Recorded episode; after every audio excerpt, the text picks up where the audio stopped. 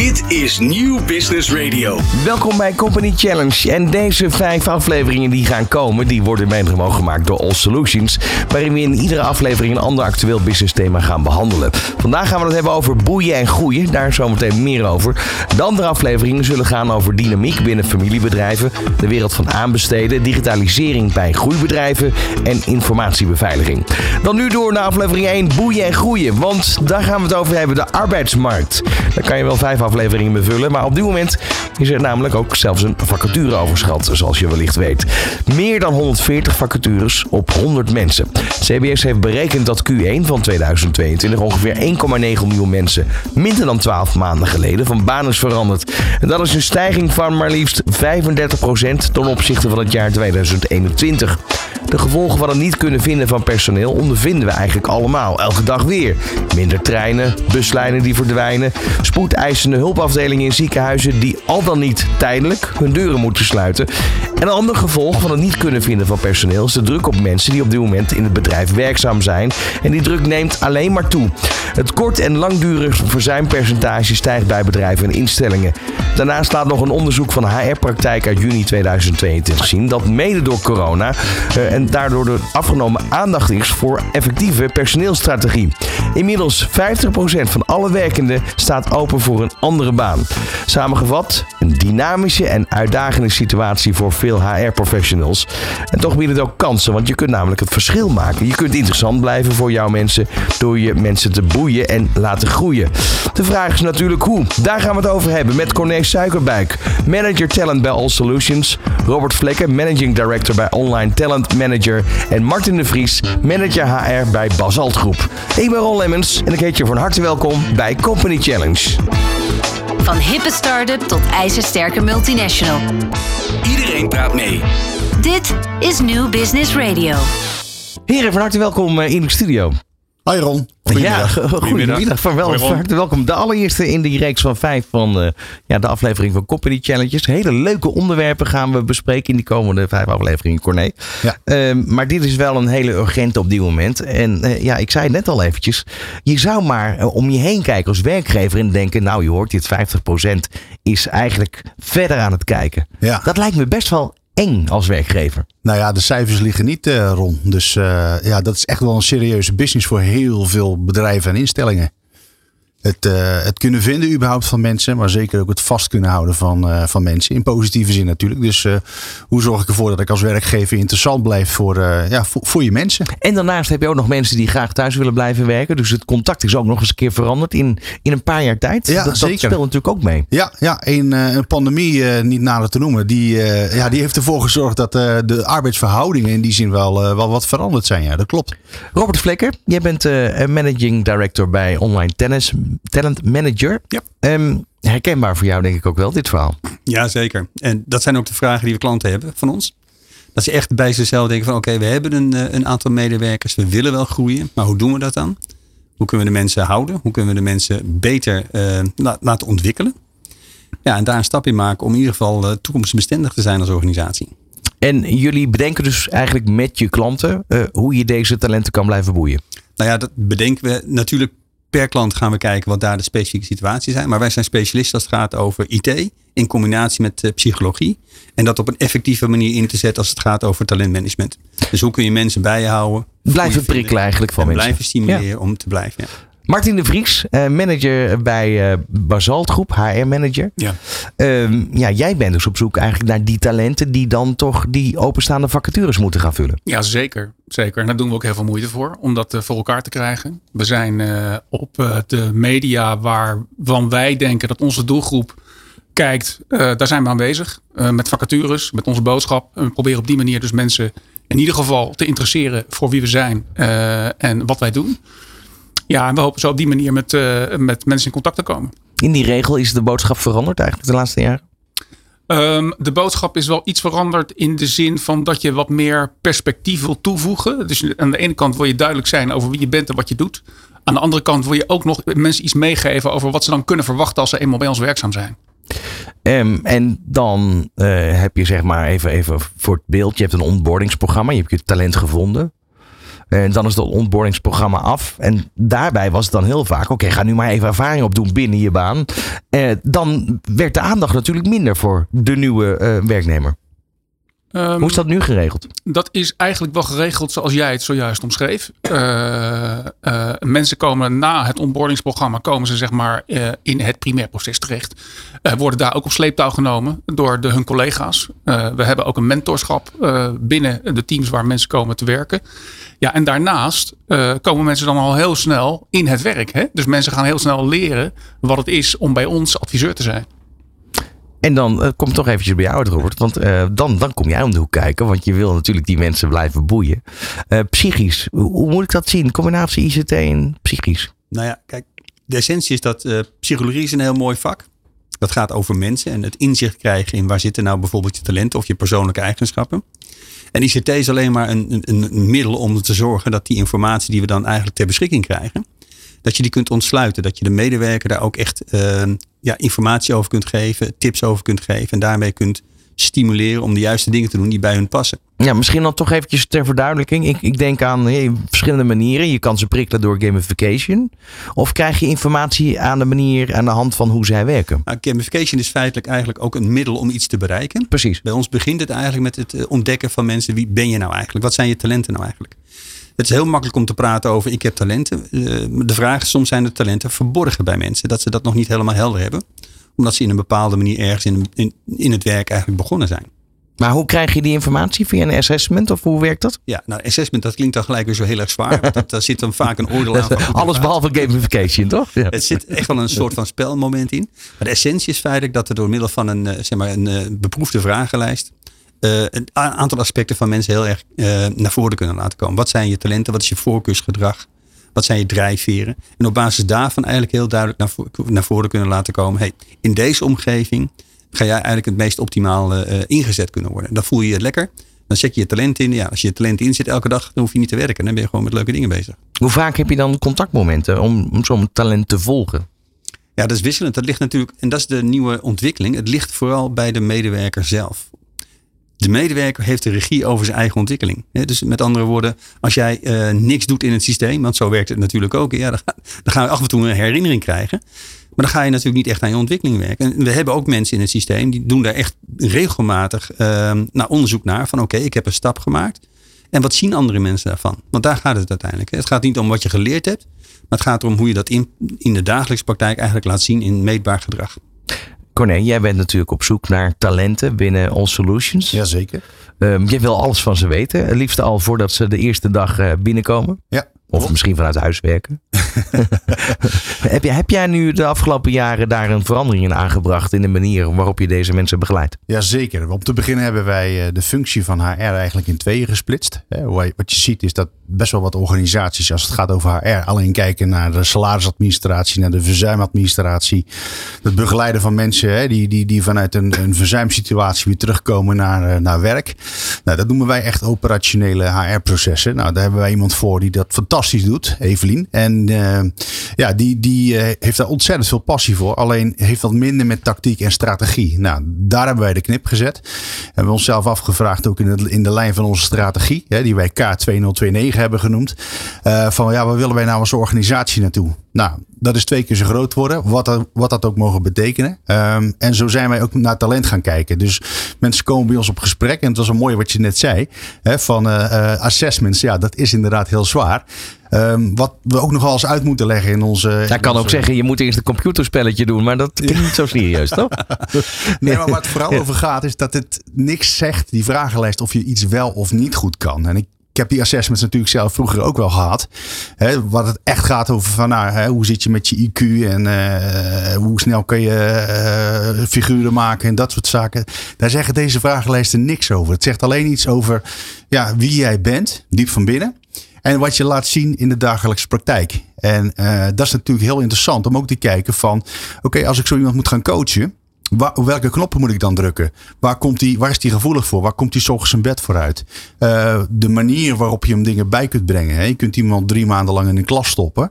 Eh, maar dat hoeft helemaal niet te passen bij die persoon. Het kan ook zijn dat je zegt van... Joh, ik kom naast je zitten. Doe twee keer voor en de derde keer doe ik het zelf. Dat is ook een manier van leren. Dus Die vragenlijsten helpen daar al bij. En dat is al in een heel vroeg stadium. Kun je dus mensen ehm, kijken van waar ligt iemands talent? En is die g- geschikt? Eh, nou, dat is per definitie is die geschikt. Maar hoe moeilijk is iemand te ontwikkelen?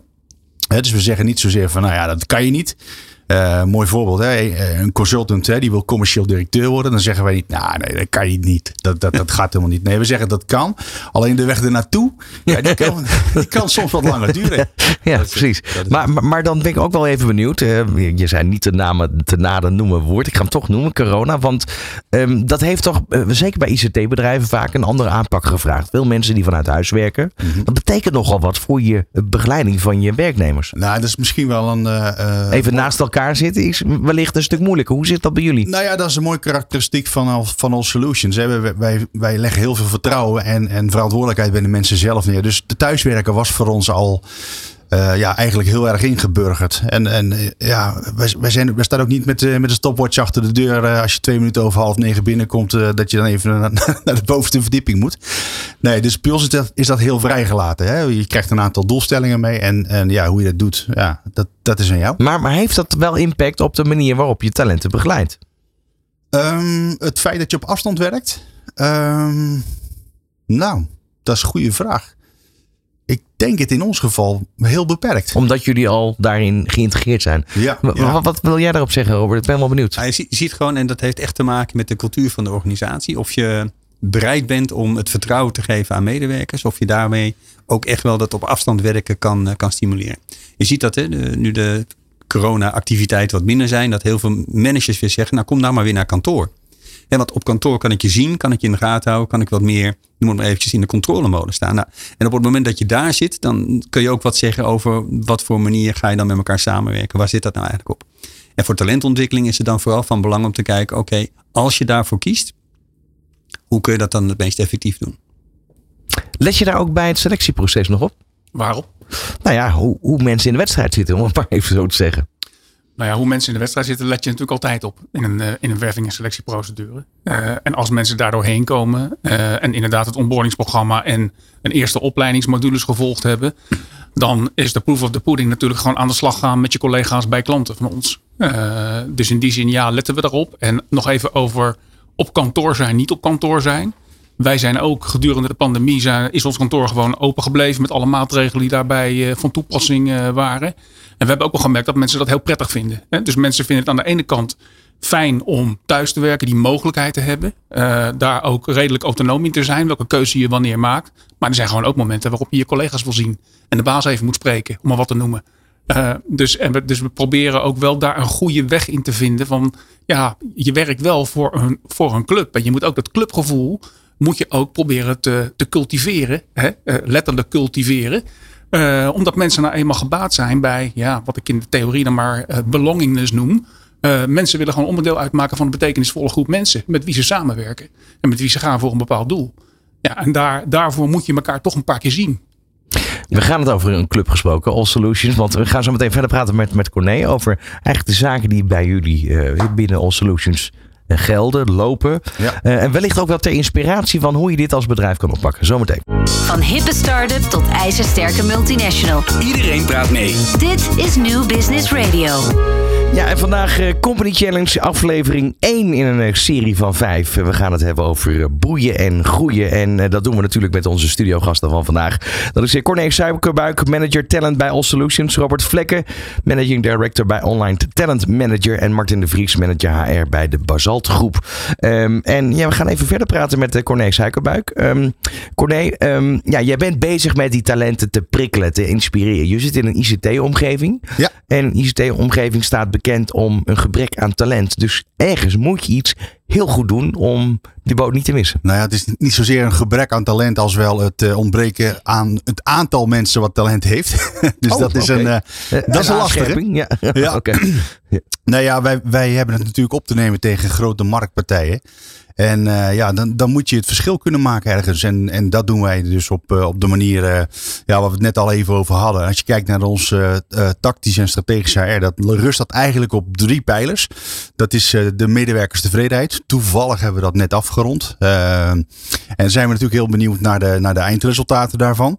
Ehm, daarnaast medewerkersontwikkeling. Hè, dus waarbij het uitgangspunt groei is. Dus mensen die voor All Solutions kiezen, kiezen ook voor een stukje groei en een Nou, um, daar gaan we het zo meteen nog wel verder over hebben, denk ik. En, uh, Zeker, we gaan ze allemaal natuurlijk even Ja, precies. En, en, en de laatste is, uh, is employer branding. Uh, nou ja, ook het merk All Solutions neerzetten als mogelijke werkgever voor, uh, voor talent. Laten we, laten we daar eventjes um, bij beginnen. En dan gaan we straks even die andere punten aan, aan stippen. Um, merk je dat hoe meer het een merk wordt in de markt, hoe makkelijker het is om talenten binnen te krijgen? Nou, het werkt of is het het laden van het merk? Wat is het? Het, het werkt eigenlijk precies hetzelfde als met, met commercie. Dus hoe haal je klanten binnen? Ja, het proces is niet anders. Dus hoe, hoe zorg je ervoor dat talent zeg maar geïnteresseerd raakt in jou als organisatie? En uh, ja, wat, wat, dat dan oproept, hè, dat, is, uh, dat is wel belangrijk in een markt uh, die zeer schaars is op dit moment. Ja, dus met name het merk laden. Laten ja. zien wat jullie doen. Um, nu weet ik ook, hè, dat hebben we natuurlijk meegemaakt op de klantendag, ja. wat jullie ieder jaar houden. Ja. Uh, daar werd een mooie aftermovie van gemaakt. Dat is natuurlijk eigenlijk al een stukje bewijs waarin je laat zien wat voor bedrijf jullie zijn. Ja, ja, ja. Nou ja, het is wel, wel leuk dat je juist dat aanhaalt. Want dat gaat namelijk, we hebben daar heel veel mensen in beeld gebracht. En dat is ook al wie we zijn. Echt, echt een mensenbedrijf.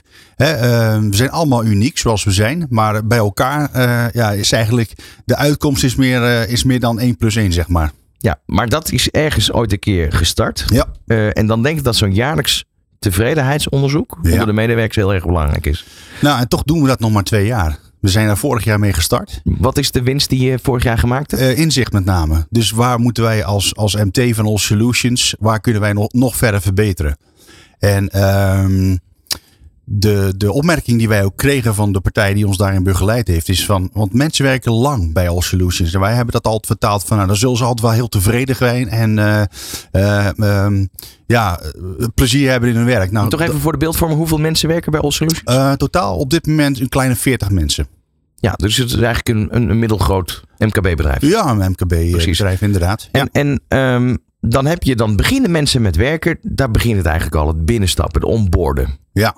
Is dat ook wat je meeneemt in die tevredenheidsonderzoeken? Van gewoon, je werkt hier nu uh, en je, je, ja, je kan dat natuurlijk heel makkelijk vergelijken met iemand die al uh, misschien meer dan vijf of tien jaar voor jullie werkt. Ja, daar hadden we niet zo heel vaak bij stilgestaan. Hè? Want mensen die, die uh, bleven toch wel vaak vanuit bijvoorbeeld een stage bleven ze hangen bij All Solutions. En uh, wat je ook wel ziet is dat, dat mensen gemiddeld, en dat is voor een IT-bedrijf best uniek, meer dan 15 jaar bij de, bij de organisatie werkzaam zijn.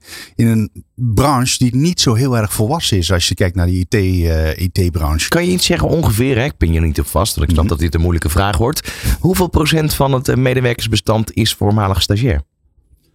Oeh, nou, ik durf die wel aan dat dat een procentje of 25 wel zal zijn, denk ik. Een vierde. Ja. ja. ja. En, en is het voorbeeld daarbij dat je, voordeel dat je bij, daarbij dat je die, die, die stagiaires eigenlijk kunt kneden in het stage, de stageperiode. En daardoor eigenlijk al meteen die cultuur kan aanmeten, aanleren. En waardoor ze opgaan in. Ja, ik denk dat, ik, dat je cultuur moeilijk aan kunt leren. Ik denk dat, dat je kunt kijken voor jezelf van in hoeverre pas ik nou bij, bij zo'n ja. organisatie. Als wij ook in gesprek gaan met, met, uh, met nieuwe kandidaten, dan gaat dat vaak niet over het cv. Heb, maar, je, daar, heb je daar een procedure voor? Um, nou ja, dat, daarin helpt zeg maar uh, het, het systeem uh, Online Talent Manager, wat wij als, als middel gebruiken zeg maar, om, om die gesprekken ook aan te gaan. En uh, ja, dat gaat niet over wat je kan en wat je niet kan. Hè. Het vorige blok hadden we het daar ook al even over. Het gaat er meer om wie ben jij als mens en waar kom jij s'ochtends je bed vooruit. En pas jij bij een organisatie als All Solutions die best wel een aantal gebaande paden heeft, ja. maar je ook wel een beetje moet passen. Uh, maar als je daarvoor kiest, ja, dan, dan, dan kies je wel voor een organisatie die echt bij je past. Ja, maar het is niet zo dat op het moment dat een stagiair zich meldt mm -hmm. en je denkt van nou, dit cv zie ik, nou, dit zou wel eens kunnen passen, we gaan een gesprek aan. Ja. Dat je van tevoren zegt van nou, uh, geef alvast vijf leerdoelstellingen mee. Dan kunnen we daarover praten. Dan heb je tenminste een beetje het idee wat voor uh, type stagiair je mee in gesprek gaat. ja, dat is dan even het verschil tussen stagiaires en, en, ja. en nieuwe kandidaten, ja. zeg maar, die ook bij ons op gesprek komen. Bij stagiaires heb je vaak wel een, heb je vaak wel een opdracht opdracht hè, die mensen meekrijgen vanuit, vanuit school. Ja. Ehm, daarvan zeggen wij ook van ja, wij gaan dat niet te veel framen. Want wij vinden ja, eh, dat, je zelf je weg moet vinden binnen, binnen de organisatie. Die vrijheid krijg je ook. Nou, je ziet dat daar met name stagiairs al heel erg aan moeten wennen. want- Zijn, zijn ze daar gevoelig voor in die zin? Ja, Dat. Dat je denkt van nou, goh, leuk. Hier kan ik de uitdaging beter pakken. Ja, het zijn mensen die, die best wel een mening hebben. En die ook wel willen ventileren. Maar vaak op school toch een beetje eh, in een keurslijf gedrukt worden. Van nou, je moet dit en je moet dat. En, en deze stof moeten behandelen. En op die manier kun je er naar kijken.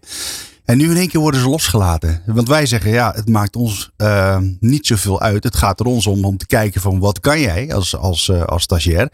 Ehm, en pas jij bij de organisatie eh, All Solutions. En ja, het is een fantastisch mooi proces om, om te volgen gedurende vaak drie, vier, vijf maanden. Oké, dan toch nog even bij dat onderzoek blijven. Want je Ja. hebt nu de, we hebben nu de stagiaires gehad. We zijn er natuurlijk nog niet. Ik bedoel, je hebt ook mensen die dus 15 jaar voor All Solutions werken. En eigenlijk het bedrijf hebben zien groeien. Ja. Ehm, eh, krijg je ook een stukje idee dat die medewerkers die zo lang aan boord blijven. Dat ze een soort van gevoel hebben, eh, ownership of hoe je het ook wil noemen. Dat ze denken van nou, de trots, het meebouwen aan het bedrijf. Is Ja. dat, is dat de, de trigger om te blijven? Nou, de, de cultuur bij ons is heel erg een familiecultuur. Eh, terwijl we helemaal geen familiebedrijf zijn. Dat gaan we in een andere aflevering van de Company Challenge gaan we dat ook nog behandelen. Ehm, maar ja, we, we wil- willen wel heel graag voor elkaar werken. We willen met z'n allen wel hele, hele mooie dingen maken. En daar voelen we ons verantwoordelijk voor. En eh, ik denk dat dat wel de reden is waarom mensen eh, lang bij All Solutions werken. Ze zijn heel loyaal. Ehm, en het blijkt ook uit onderzoek wat we vorig jaar gehouden hebben, dat ze ook eigenlijk best wel tevreden zijn. We scoren een 8. Nou ja, in, in een land waar, ze- waar 7 gemiddeld is, dan, dan nou, scoor je best goed. Heb je ook nog onderzoek gedaan naar drop-outs? Mensen die toch voortijdig stoppen. Want ik kan me ook voorstellen dat je daar in- interessante informatie uithaalt. Dat klopt. Eh, nou, en alle kwets- kwetsbaarheid. ehm, dat gaat met name over een stukje onboarding. Eh, eh, een bedrijf wat, wat 35 jaar bestaat, wat ik al zei, heeft een aantal eh, ingesleten paden. Ehm, nou ja, en je kunt er in je eerste jaar vaak wel achter komen van oeh, die zijn wel heel diep die paden. Past dat wel bij mij?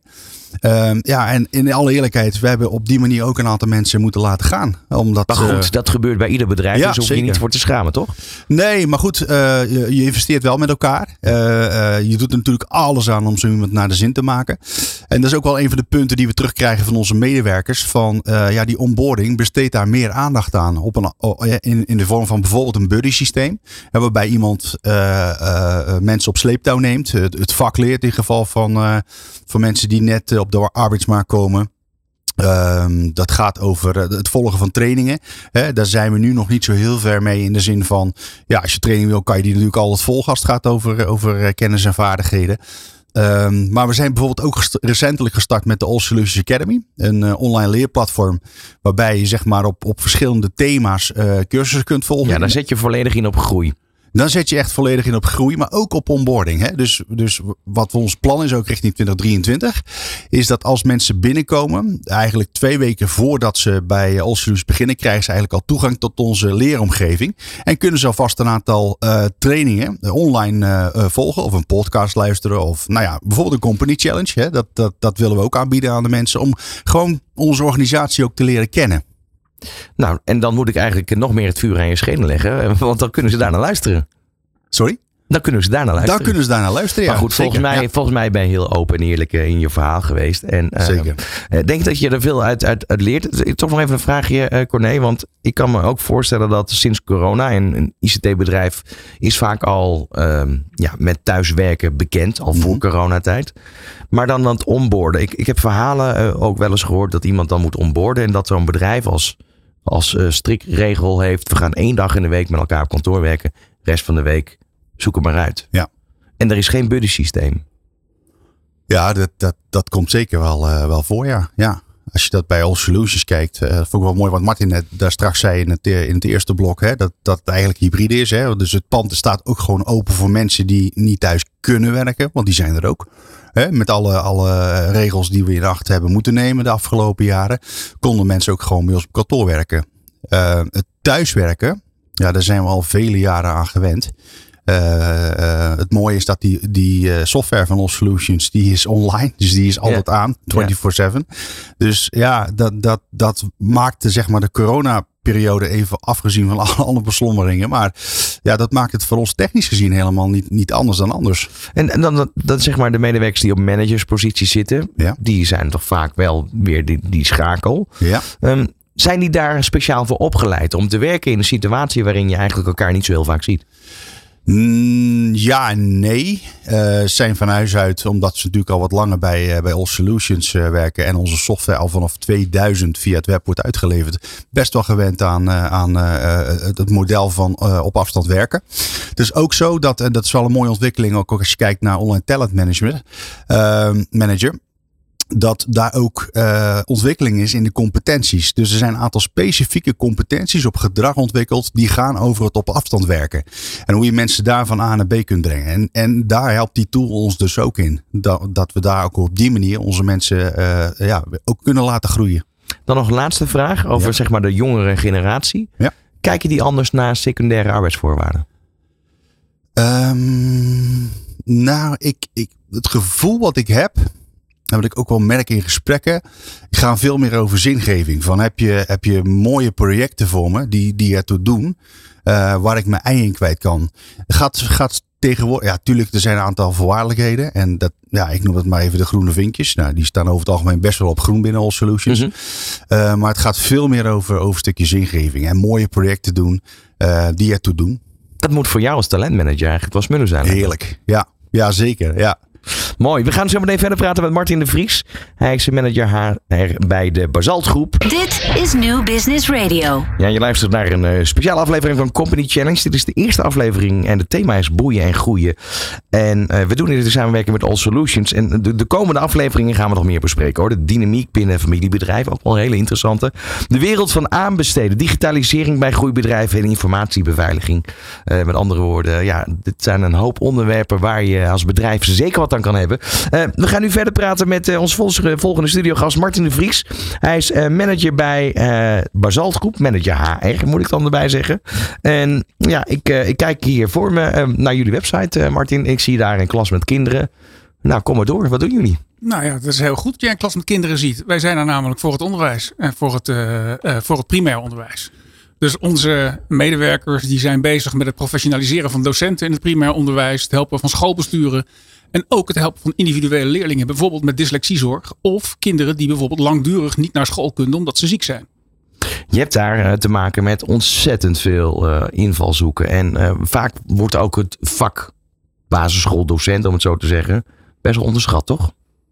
Um, dat vak wordt onderschat. Het wordt onderschat wat het allemaal. Of ondergewaardeerd is, maar net hoe je het bekijkt. Nou, ik, ik, ik, we beginnen met onderschat. Ik denk dat je buitengewoon veel vaardigheden nodig hebt om zo'n klas gewoon goed te begeleiden. Uh, en jezelf ook nog eens professioneel te ontwikkelen. Uh, in die dynamiek waar je, waar je dagelijks in zit. Uh, en in dat laatste, daar zijn onze mensen dan weer heel erg goed in. dus dat proberen we op die manier vanuit twee vestigingen, Den Haag en Goes. Maar ook landelijk opereren, proberen we dat goed neer te zetten. Nu heb ik toevallig een vriendin die werkt in het primair onderwijs. Dus het is dicht bij huis, dit, dit hele verhaal. En nu weet ik dat uh, er natuurlijk veel veranderd is de afgelopen jaren. De klassen zijn groter geworden. De druk op de docenten is toegenomen. Maar er zijn ook meer inzichten ontstaan over hoe je bepaalde, nou ja, andere nou ja, je wil in ieder geval leerlingen die toch eruit springen, om wat voor manier dan ook, eh, beter te begeleiden. Zijn dat de dingen die jullie onder andere beetpakken? Ja, ook ook uh, bijvoorbeeld kinderen die dus een ja, even een andere aanpak nodig hebben om op de rit te komen, om het zo te zeggen. En die, hè, dus de, de, die capaciteit is meestal wel aanwezig op de scholen. En wij helpen dus weer die mensen die dat doen. Ja, dus dat, dat, uh, dat zeg je het eigenlijk, dan heb je het over de IB'ers, ofwel ja. de interne begeleiders. Helemaal goed. Ja, en, en wat moet zo'n interne begeleider in de basis kunnen? Uh, oh jee, nu ga je wel een beetje ver voor mijn uh, kennis. kijk, ik moet er natuurlijk voor zorgen dat wij de juiste mensen aan boord krijgen. Uh, dus dat betekent dat wij uh, heel erg inzetten op het krijgen van mensen ofwel uh, direct van school, dus stagiaires, pedagogen, agogen of mensen met al wat meer ervaring. En dat zijn toch ook wel vaak die docenten die dus kiezen uh, voor ons vak. Ja, en, dus ze, hebben, ja, ze hebben in feite een on- ondersteunende taak, maar ook wel een hele cruciale rol. Dus we gaan inderdaad niet in op die vakgebieden. Dus ik snap ik, want jij zoekt juist de mensen die ook weer deze mensen kunnen opleiden. Dat begrijp ik ook. Maar je moet toch een beetje schetsen wat zo'n eh, interne begeleider moet kunnen. Eh, maar dan, hoe moet die worden opgeleid? En die mensen zoek jij. Wat, wat, wat is het werkveld waar je naar kijkt? Ehm, mensen die eh, ervaring hebben binnen het eh, primair onderwijs, dat is één. Eh, en voor de mensen die zeg maar leerlingen begeleiden, is het natuurlijk heel relevant dat ze ook didactisch en psychologisch gewoon onderlegd zijn. Dus dat zijn vaak mensen die, die pedagogiek gestudeerd hebben, bijvoorbeeld, of klinische psychologie. Met een, met een bijzondere kinderinvalshoek, zal ik maar even, zal ik maar even zeggen. En die proberen we voor ons te interesseren. En hoe doe je dat? Nou, dat doe je. Die mensen hebben natuurlijk allemaal gekozen voor kinderen en onderwijs. Dus die keuze hoeven we ze niet meer te laten maken. Wat wij moeten doen, is naar voren brengen dat wij een belangrijke speler zijn voor het professionaliseren van die docenten. Voor het helpen van die leerlingen, waar zij eigenlijk al die keuze voor gemaakt hebben. En twee, wij moeten naar voren brengen dat ze zich bij ons goed kunnen ontwikkelen. Op hun eigen vakgebied, waar ze dus al voor gekozen hebben. Is het dan ook vaak dat je, dat je ook wel weer ziet dat dit mensen zijn met ervaring dus van het voor de klas staan. Maar dat ze even een andere move willen maken in hun carrière? Ja, dat zien we. Dus dat, de, de, de, de, de mensen die al gearriveerd zijn eh, binnen het vakgebied. Nou ja, onderwijs zal ik maar zeggen. Die kunnen we vaak interesseren om bij ons te komen werken. En aan de andere kant heb je natuurlijk de instromende jonkies. Die nog aan het studeren zijn. Eh, en die bijna klaar zijn met het behalen van een master. Ja, en die kunnen bij ons vervolgens een jaar stage volgen. Dan kunnen wij intussen zien van ja, ben jij, ben jij equipped voor de job? Hè? Eh, en kunnen we ze een vervolgopleiding aanbieden om, eh, om bij ons te komen werken. Hoe zou je deze mensen willen typeren? Zijn dit mensen met een soort van ehm, missie? Ja, het zijn allemaal mensen die natuurlijk vreselijk intrinsiek gemotiveerd zijn. Hè? Precies. Dus, dus die, die, die hoef je niet meer te interesseren voor een vak. Eh, het zijn allemaal mensen die zeer begaan zijn met kinderen en de ontwikkeling van kinderen. Op wat voor wijze dan ook. En eh, op het moment dat je, dat je de gesprekken aangaat met deze mensen, wat, wat is dan hetgene waar jij ja, probeert achter te komen in zo'n gesprek? Nou, wat, wat je, wat je, eh, waar je heel erg moet, op moet letten, is wat voor vaardigheden deze mensen met zich meenemen. Kijk, je kunt nog zo goed zijn in bijvoorbeeld het voor de klas staan. Maar dat is toch iets anders als een training geven aan professionals, docenten. Of eh, het meenemen van een schoolbestuur in een bepaald gedachtegoed. Eh, dus die, die vaardigheid, die communicatieve vaardigheid, die moet je wel hebben. Tegelijkertijd moet je ook een beetje kunnen overtuigen. Hè? Dus je moet, en je moet ook wat commerciële skills hebben. Want je bent ook aan het verkopen. En dat is natuurlijk iets wat wel bijzonder is. Kan je dat duiden? Hoe bedoel je, kun je dat duiden? Nou, je bent aan het verkopen. Dus aan, aan wie verkoop je dan?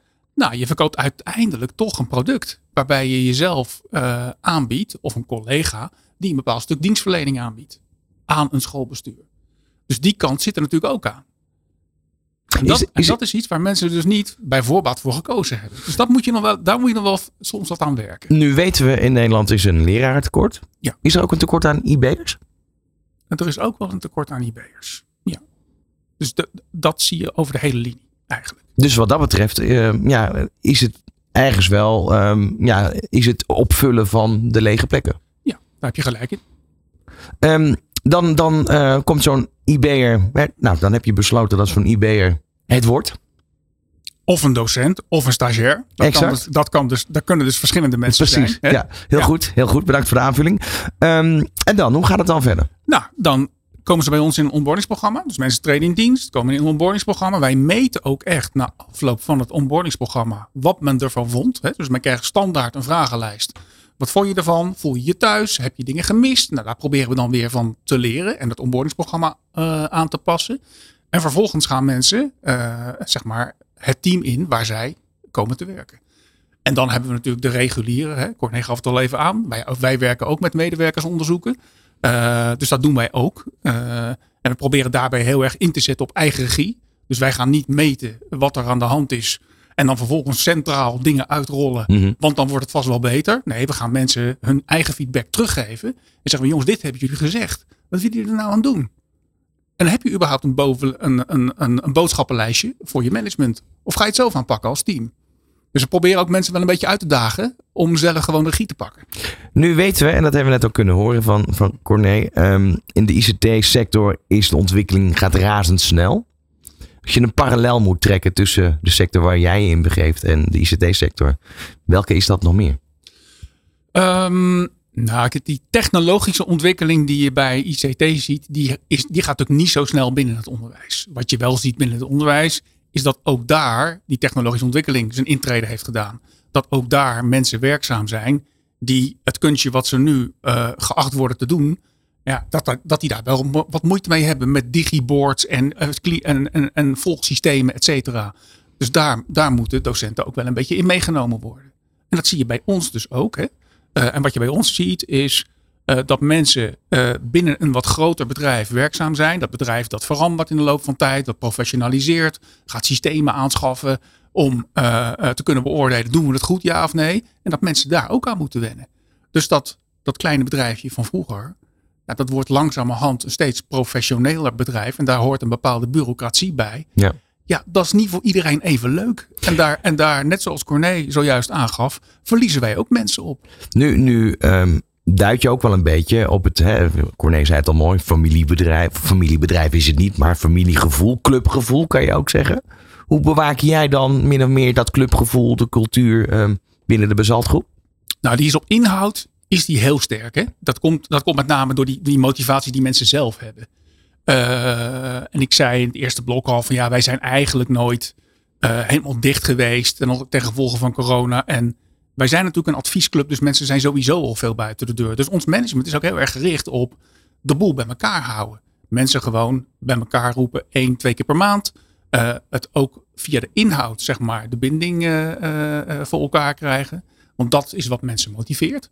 Dus daar ga je dan aandacht aan geven. En dat gaat heel goed. Nog even een laatste vraag, want dat is natuurlijk wat je in de ICT-sector, tenminste over het algemeen minder hebt, is dat je in het onderwijs ook te maken hebt met wat de overheid bedenkt of oplegt of hè, de klassengrootte of eh, subsidie of noem maar op.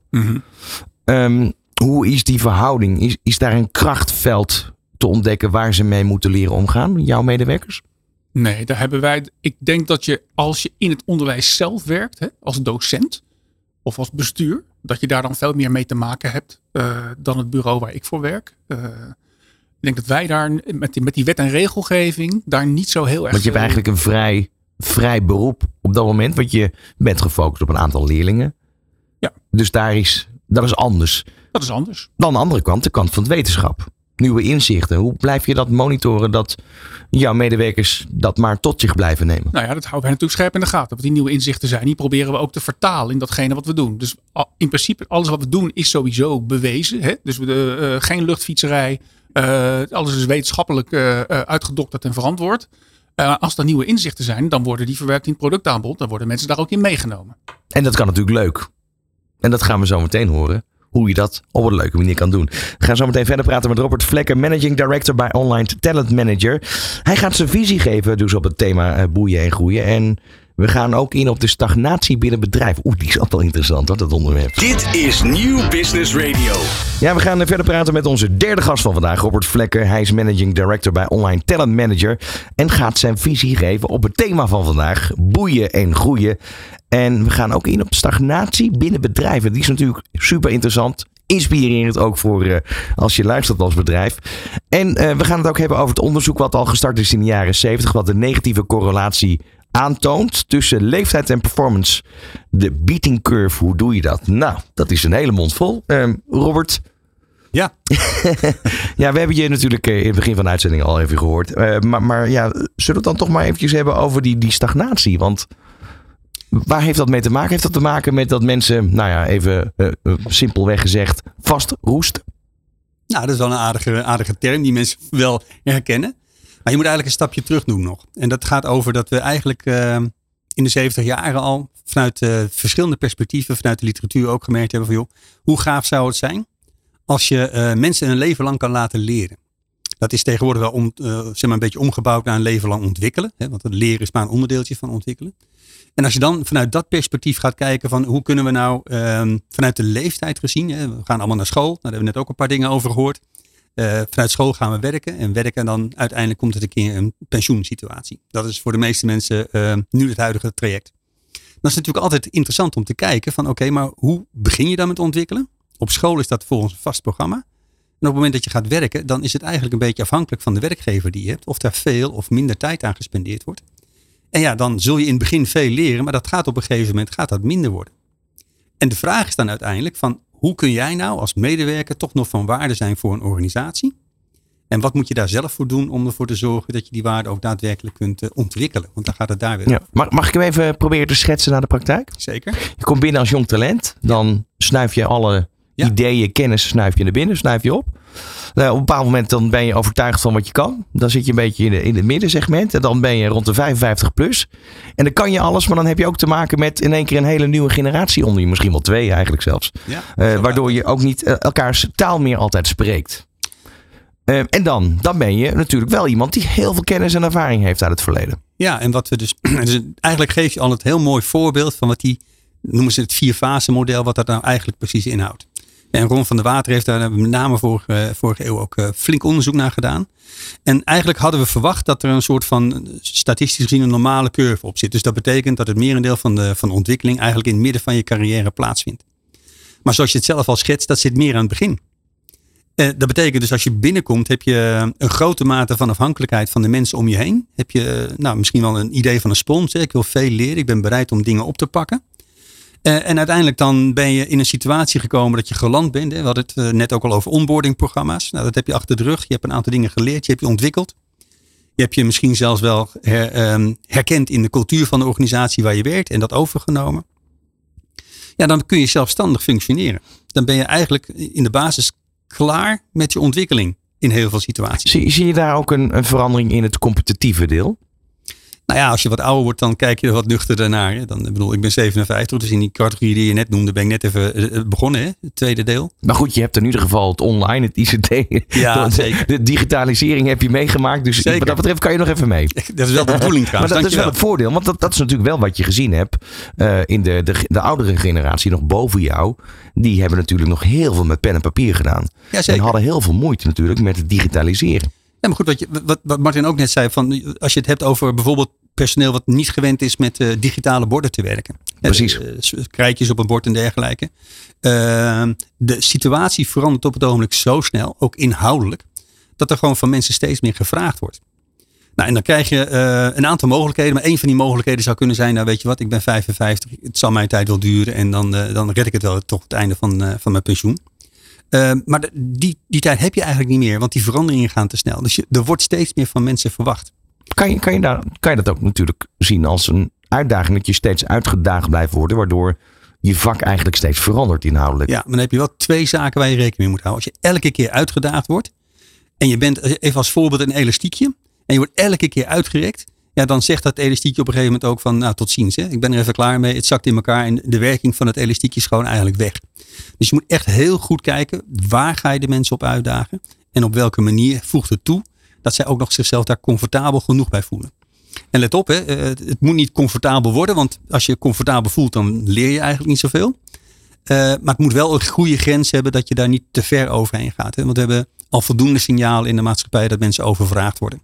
Nu, en dat wil je voorkomen. Nu wil ik toch even over de landsgrenzen heen kijken. Om een voorbeeld te noemen. Ik kijk dan, uh, ga in Duitsland graag boodschappen doen. Mooi. De gemiddelde kassajuf is daar boven de 50, 55. En hier zeggen we, oh, daar zit zo'n oude grijze muts achter de kassa. Ja. Dat willen we niet. Dat hebben we ook op tv. Hè. Op een bepaald moment is iemand over datum. Is dat typisch Nederlands? Over datum zijn? Ja. Nee, ik denk alleen dat de datum anders is. nee, maar, maar is dat iets typisch Nederlands? Dat we daar een, toch op een bepaald moment, ja, wordt toch ergens een, een, een streepje achter iemand gezet. Ja. Toch wel op leeftijd. Ja, nee, maar dat klopt ook. Ik, ik heb daar ook zelf onderzoek naar gedaan. En dan de vraag was: wanneer ben je een oudere werknemer? Precies. En dat, uit het onderzoek kwam naar voren dat het al bij 45 begint. dus met andere woorden, heel veel mensen hebben snel de indruk. Ik heb van, nog okay, vier jaar. Ja, okay, je hebt nog een beetje, of, of nog een kans. Hè? Want de essentie is gewoon van ja, oud wil niet zeggen uh, uh, over datum of zo. Ik bedoel, mensen die een andere leeftijd hebben, hebben andere drijfveren om ervoor te zorgen dat ze nog van waarde zijn voor een organisatie waar ze voor werken. En eigenlijk is het, uh, en dat is ook wat we vanuit Online Talent Manager gewoon willen doen, inzicht geven in wie jij als mens bent. Daar heeft Corné, Corné ook al wat over gezegd. Maar vooral ook waar je talenten liggen. Want als je je talenten inzet, dan, dan voelt het niet meer als werken. Dan ben je gewoon bezig met de leuke dingen. Dan krijg je er energie van, kun je het langer volhouden. En we weten dat niet alleen langer volhouden betekent, dat je en langer vol kunt houden en ook hogere productiviteit hebt. Toch even over die midlife. Oh, daar wil ik eigenlijk helemaal niet over hebben. Maar het is toch een moment dat je, dat je toch even eh, gaat reflecteren op je afgelopen eh, 10, 20 jaar in je, in, je, in je arbeidsverleden. Ehm, en dan heb je de kans, dan zeg je oké, ik ben nu 55, noem maar wat. Ik heb nu nog 12, 13 jaar te gaan. Ja. Zie je vaak dat mensen dan toch kiezen voor een carrière switch ook? Nou ja, de, de essentie is dat, eh, dat aan, voor een carrière, carrière switch zijn er eigenlijk twee kanten nodig. Dat is de mensen zelf die zeggen ik ben op zoek naar een andere kans. Maar tegelijkertijd ook de werkgevers die op, op zoek zijn naar, eh, nou noem maar even, gerijpte, gerijpte mensen. Oh ja, precies. Dat is het eigenlijk. Hè? Maar wordt daar de waarde nu anders naar, anders naar gekeken dan tien jaar geleden? Welke waarde bedoel je dan precies? Nou, in de waarde dus voor mensen die al op, op enige leeftijd zijn, maar wel Ja. heel veel ervaring hebben. Nou ja, wat, je, wat je ziet is dat eh, er zijn een aantal perspectieven. Ik, ik wil er een paar delen. Eentje is als je vanuit de koststukstructuur gaat kijken, dan wil je iemand van 23 jaar, twee masters hebben en vijf jaar werkervaring. Ik bedoel, dat is het meest, dat is het meest interessante. Die zijn er niet. Ik wens je heel veel succes. Maar dat zie je aan de vraagkant heel vaak. Hè, dat er overvraagd wordt op basis van specificaties. En wat wij zeggen is van oké, als je nou goed naar mensen kijkt, dan, is, dan gaat het dus echt over wat, wat, wat breng je nou mee? Eh, Zij-instromers bijvoorbeeld, hè, waar, waar je het net ook over had. Ja, dat zijn dan ook echt mensen die vanuit talenten hele mooie dingen kunnen doen. En die interne drive, die zorgt ervoor dat ze tot resultaat gaan komen. Hoeven ze alleen nog op te leiden en te begeleiden. Wat is het meest voorkomende, ehm, de meest voorkomende reden van stagnatie binnen een bedrijf? Dat de organisatie en dan vooral het leidinggevende team te weinig realiseert hoeveel waarde ze feitelijk nog in de organisatie hebben. En eigenlijk zegt van oké, vanuit projectie, je bent op een gegeven ogenblik eigenlijk wel gewoon klaar met leren. Maar je bent niet klaar met ontwikkelen. Dat gaat gewoon door. En die, is, die, die stimulans is gewoon te vinden als je de mensen op de juiste manier kunt aanspreken en kunt, eh, kunt uitdagen. Heb je daar een tip bij? Nou ja, wat, waar het vooral om gaat, ga, eens een keer het gesprek aan met mensen. En niet zozeer over van, eh, wat je hoort vaak, beoordelingsgesprekken. Ik bedoel, we zitten aan het einde van het jaar, dus die komen er allemaal weer aan. Eén keer per jaar gewoon eens even lekker praten met elkaar van, eh, nou, hoe was het nou? Wat heb je in februari gedaan? En wat is dat dan het gevolg van? Nou, bijvoorbeeld een stap in de salarisschaal erbij. We gaan nou gewoon regelmatig eh, met mensen in gesprek. We weten dat bijna driekwart van de managers of geen tijd heeft of geen kwaliteit heeft om het gesprek überhaupt met zijn medewerkers aan te gaan. Over van wat ben je, wie ben je, wat wil je, wat is je groei, waar ga je naartoe en wat kunnen wij als organisatie doen om je daarbij te ondersteunen. En dat laatste is ongelooflijk belangrijk als je dat nou maar wel doet vanuit de kaders en het perspectief van een bedrijf. Met andere woorden, je kan als medewerker van alles vragen. En je werkt wel voor een organisatie met een bepaald bedrijfsdoel. Dus hoe kun je dat nou goed uitlijnen met elkaar? Dus de tip is dan vooral, ga in gesprek, durf het gesprek aan te gaan oh, en laat daarin ruimte voor de ander om te vertellen wat ze, wat ze willen en wat ze nodig hebben. En ga kijken wat je daar als organisatie in kan stimuleren. Want je zult merken dat de mensen dan veel meer en makkelijker tot resultaat gaan komen. Dan dat als jij gaat vertellen wat ze moeten doen. Kan dat op een A4'tje? Eh, wel dan niet digitaal? Wat bedoel je met op een, op een nou ja, A4'tje? ik doe maar wat. eh, een, een, een persoonlijk ontwikkelingsplan Oh, een A4'tje. Nou ja, doe het liever bij ons in het platform. Dan, dan heb je dat paperless office ook gelijk gerealiseerd. maar ja, natuurlijk, ja, dat is zo kort mogelijk. Het, moet- hoe simpeler het is en des te aansprekender het daarmee wordt, des te makkelijker mensen het in de dagelijkse praktijk wat aan gaan doen. Want een plan is op zich helemaal niet eh, interessant. Een plan met actie gaat tot resultaat komen. Ehm, denk je dat die inzichten hè, van leeftijd, performance, dat dat snel gaat veranderen? Of hebben we nog een flinke weg te gaan om ja, toch te kijken hoe je mensen eh, waardevol houdt? Ja, maar dat is een hele interessante. En ik denk dat we op het ogenblik in, in Nederland zeker, en ik durf zelfs te, te zeggen ook in Duitsland, dat we echt op een tipping point zitten, zoals dat zo mooi heet. We hebben, we hebben een groot tekort aan goede professionals en goede mensen die voor ons in organisaties werken. Het maakt niet uit in welke branche je zit op het ogenblik. Dus ja, we hebben eigenlijk een ideaal moment om goed te gaan kijken naar waar liggen die talenten, waar kunnen we ze inzetten, om ze ook langer te behouden voor die rol die je dan uiteindelijk kiest. Het switchen om, omdat het niet past is een van de signalen dat je toch niet eh, goed in kaart hebt wat je talenten nou precies zijn en waar je je goed bij voelt. Ja. Dus ja, we hebben op het ogenblik juist die mensen van alle leeftijden gewoon knijterhard nodig. En laat ze dan maar op, een- op een plek passen waar, of eh, landen waar ze het beste passen. Ehm, tot slot even nog twee vragen. Uiteindelijk een, een soort van conclusie. Dat willen we natuurlijk eh, van jullie alle drie horen. Ehm, maar dan heb je, we hebben het nu gehad over dingen die je kan veranderen. Maar je hebt natuurlijk altijd aspecten waar je geen invloed op uit kan oefenen. Wat is voor jou, Corné, de grootste irritatie dat je denkt, verdomme, kon ik er maar iets aan doen? Poeh. Die, eh, die geef ik heel even door. Ik moet er heel even over nadenken. Oké, dan gaan we naar uh, jou, Martin. Nou, ik vind het een hele interessante en ook wel een hele moeilijke vraag. Wat is mijn grootste, mijn grootste irritatie? Ik, ik moet je eerlijk bekennen, ik heb niet zo heel veel irritaties. Wat lekker. Ja, ik bedoel, uh, uh, mensen uh, bij Bezaltgroep zijn ontzettend gepassioneerd. En natuurlijk is het zo dat, dat, dat het soms lastig is om je aan te passen aan een veranderende club waar je, waar je toch graag bij wil horen. Uh, maar als ik zie hoeveel energie en passie daar, daar is, dan is daar altijd een weg. Hè? Dus, uh, en in die zin ben ik ook heel erg optimistisch.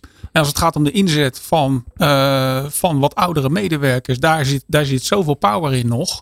En natuurlijk is het zo dat je niet iedereen binnenboord kan houden. En soms moet je even wat veranderen en een beetje, een beetje zijn functie een beetje op maat maken voor iemand. Maar daar kom je dan wel weer, daar kom je dan wel weer dus uit. Dus vooral niet in hokjes denken eigenlijk. Nee, nee. precies. Robert? Nou ja, ik herken het uh, wat Martin zegt van irritatie heb ik niet. Want als je daar uh, veel energie aan gaat, uh, gaat steken, dan ja, kun je het ergens anders niet gebruiken. Maar ik heb wel het idee van oké, okay, het zal helpen als, weet je, zo'n vraag. En, en die vraag zou ik dan kunnen beantwoorden. Het zal helpen als organisaties, als leidinggevende in organisaties, hoogste en hoger management, meer gaan nadenken over ehm, vertrouwen en creatie. En veel minder gaan steunen en leunen op, nou zeg maar even angst en controle. Dat is mooi. Want vanuit dat verhaal ja. ga je namelijk groeien. Corné, je hebt nu na kunnen denken. Ik had het niet beter kunnen zeggen.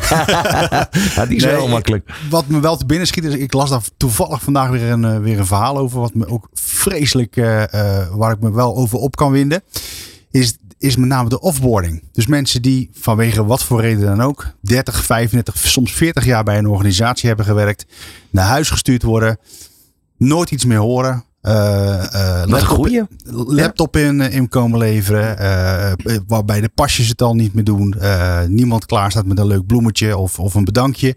Dat mensen, ja. Je brengt eigenlijk onbewust dan als bedrijf wellicht heel veel schade toe aan zo'n medewerker. Je, nou, je slaat even een deuk erin. Dat klopt. Ja. En, en, en dat is niet alleen aan die mensen zelf. Maar dat is, ja, ik denk ook dat dat zeker ook leidt tot imago-schade.